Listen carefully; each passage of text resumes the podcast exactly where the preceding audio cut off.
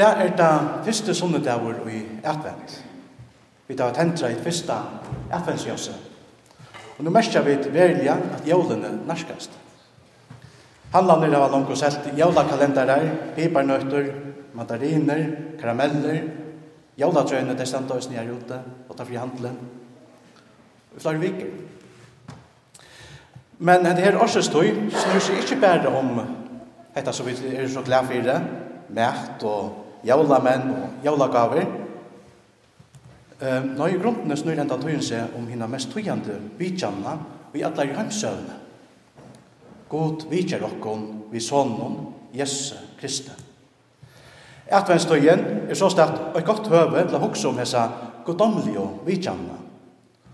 Året advent kommer jo fra hinnom latunska adventus domini, som er herrans koma.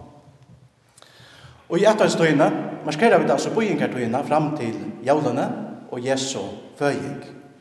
Som også kan sies det er den mest tøyende føyingen i alle i hømsøvnene.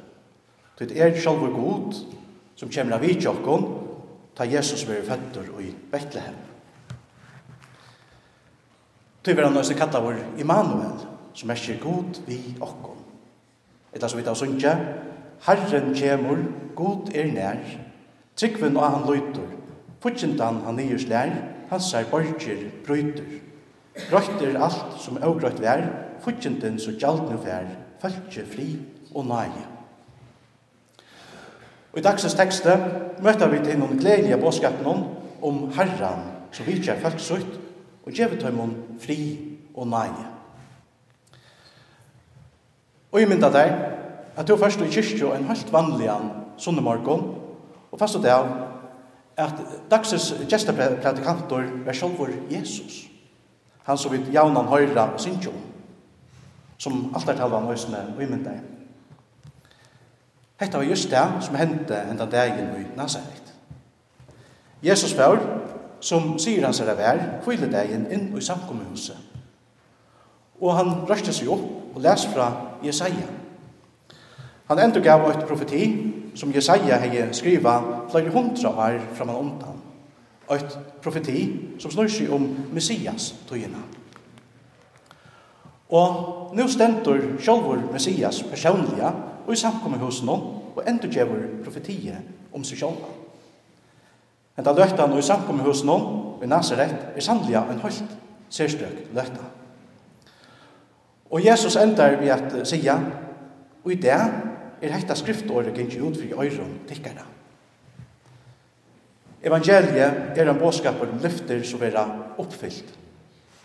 Kjolt året evangelium er et krigsdår som merker gaur båskapur, gaur tøyende, tøyende som er glæver for at høyra og gjerne ber vågjere. Til dømes da David felte Goliath, så brøyt oss de gledelige tøyendene felkene mittlen, at den rævlige fudgjenden var slien, og de nu var, var frals. Hetta var det så glad for det, at de sunk og, og dansa. Og samme hatt er evangeliet fra god en gaur og gledelige båskapur okkara av middelen, som sier okkom at den sanne David, Jesus, hever tidsi bardian opp ved sintna, deian og djevelen, og hever sikra. Gleibåskaperen snur seg ikke om det som to skalt gjøre. Helt måte snur han seg om det som langt er hent. Han snur seg ikke om krøv som to skalt oppfylla, men krøv som god langt hever oppfyllt fire til. Alt det som god hei lova gjøre til okkara fredsom, hever Jesus langt nu oppfyllt fire okkara. Det er hent. Og tog kom vi av hjärsta synsja så løs, og vi langt å ha synsja i det. Vær velkomme herras vær, som blir fagna vær på til klokkom. Öll ei og hukt oppa Jesus, ta han praktika i og i samkommet hos noen og i Nazaret. Lett Lætt jokkon gjøre det samme og gjennom løkto. Lætt jokkon gjøre hoa høyme, sett jokkon nye samme vi öllon hinnon og i samkommet hos noen, og lorste etter Jesu fagna vær på skapen eisne til okkom. Jesus sier, Andi herrans er ive mer, av at han hefur salva meg. Hebreisk av åre Messias, sier bare til ein som er salvaur av gode, til ein av avvisa oppgave. Og i gamla testamentet blev kongar og høvesprestar til dømes salvaier, tatt av insekter i embetet. Men profetene taler også om øyn som skulle salvast av gode til en høyt særstekka oppgave, nemlig å frelse alt følge, det vil si øyne å frelse okko. Til hessen Messias som er lustur tja Jesaja, og som nå stendur og praktikar i samkommet hos noen i Nazaret. Jesus sier er god til å sende han til å bære fatekken gleibånd den gledelige bådskaperen til Jesus er først og fremst en bådskaper til de fatakker. Og er ikke talen om å være fatakker peningalige, men andalige. Og i fjallapratikene sier Jesus, «Sel er det i andan om fatakker, det at himmelrykje er tørra. Menneskje som er fatak i fire gode, må få alt av hans hånd, Og Jesus sier at himmelrykje er tørra. Jesus kommer vi hinnom gledelige bådskapen til deg som mangler alt, som ikke kunne klare seg selv, og som er fullkomlige hjelperleis i for gode. Til hese mennesker som takker imot gledelige bådskapen, de er å fatak vi vidjande frelsene og vi vidjande gode. De er å hjelperleis. De kunne ikke bjerke seg selv, de kan ikke gjøre ungen av kan frelsa seg selv. Det kan ikke komme vi en og uikaste til tørre frelso, men standa her at at vi fullkomliga tøvnum hånden i fire gode, om må få alt fra hånden. Og tog er det òsne treideie, tre treideie, ja, at god gruper inn ut av lov, vi synne frelso. Sel er det teg i andan og fatekko, Mennesker som standa i fyr gode som bittarar, må få alt fra honom, fra gode, av berare, nøye. Himmelrykje er torra, sier Jesus. Jesus kommer til disse mennesker, og man sikner deg i atlare andligere sikning av himna grunden, som vi leser til Paulus, Efsabran og Målt. Ja, vi Jesus vera dei fatakko av endalia ruik, kan man sija.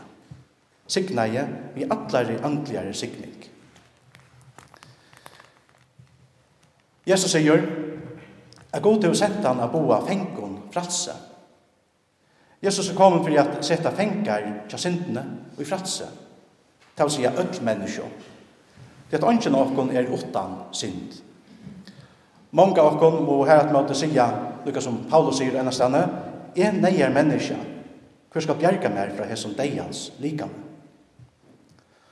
Og heretter slipper vi ut å høyre til valsikna og årene, så er det no ønsken fordøming for de som er og i Kristi Jesus. Om du spørst, kvita ikke er noen fordøming for de som er og i Kristi Jesus, så jeg var sverre helt einfalt, til at Jesus langt og hever tidsi tøynda om av seg sjálfan og av Golgata. Og ta to, vi trinja Jesus stendur av Golgata, her dømre noe hever være, så kan du også pøyka Jesus og sige vi øyne kvønn som vil akkæra til. Han som hekka krossen og i mun sted, hever gold for alle munner munar sinter. Og jeg skal ikke gjelda for det som langt er gold fyrir meg. Det er avgrøyt. Det er fulltjørst. Jesus sier, at god til å sende han at kundgjøre et herrens nøyår. Nøyår sier bare til et jødiske fagnaverøyre. Først hos russisk 20. år skulle i alt landet så å ja nullstidlast. Skuld var strika, vesett og var lagt nattor, de er dømt var de leislekte. Men i mån til et jødiske fagnaverøyre skal Guds fagnaverøyre være allfennende og et allfennande fagnar er. Her god grupper inn i hentan sintafallna heimen vi fredsene og i Jesus. Og i hånden vera fatak røyk, fengar vera platser, lind få sjånnaktor, neistøtt vera leislaktor. Hesson are, hesson herras naiare, bjauit sjåande velkomne. Vær velkomne herras og som ber fagnavar på Jævla natt, takk oss år for i hold, vær jævse ur erva best oppa folk. Velkomme nøyar, vel vær fagnon tær. Og i det er dette skriftåret gynnt ut for i øyron, tikkara, sier Jesus. Nå er frelsan kommen, hon er ui sjalvun, Jesus. Og i hånden har vi finnst et nøyar fra herran, en nøyetøy Her gleder påskaperen vil boaver, fatøkken, syndaren, som okkur. Tøy har vi døysene alle årsøk søkt at færre inn i etvens tøyina vi glede. Glede vår herrans kom. Jævla nått, da Guds år før i holdt, var jævse ur erva byrst opp av folk. Jævse ur erva er no byrst opp i tøynom og munnen hjärsta vi trunne av Jesus. Som sagt er etvenstøyen et godt høve til at hugsa om hese godomlige og vidtjanna. Guds år fær i holdt. Men omframt at vi vera en markering av boingartøyene fram til jaular og Jesu føying, inneheldur etvent øysene en æra sujo, nemlig vevna om Jesu atterkom. Lykka som god vidtja i okkom da Jesus var fødder i Bethlehem, Så er spil hin opprøsning i fredsaren øysene av vi tjokken aktor av øvsta dege, for at løy okkon inn i hinna evig og gledina høyma i himmelen. Ta vera lyftene og i lømmes Johansar oppenbering til veriløyka. Hetta stendur. Så i kjalt med gods er tja menneskene, og han skal bygga tja og tei skulle vera felkansina. Og god sjálfur skal vera tja og han skal torska kvart her av egen tørna. Og degen skal ikkje langkur vera til, Ikke heldur sorg, ikke heldur skrutsk, ikke heldur putsla skal langt være til, til at ditt fyrra er færre. Så start liva vi i en avhaldande atvenstøy. Vi tar til halda Jesu fyrre komo, og liva i vannene om Jesu ære komo, og himmelsko gleina som bor okko. Hesen gleibåskaperen om Jesus fyller okkara gjørstå og vi gleie og vevn Og tog synkja vi og avhaltande. Vær velkomme, herrans og her, som blir fagna vær på.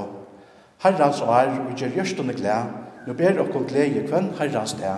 Velkomme, nu og her, vel vær fagnom der.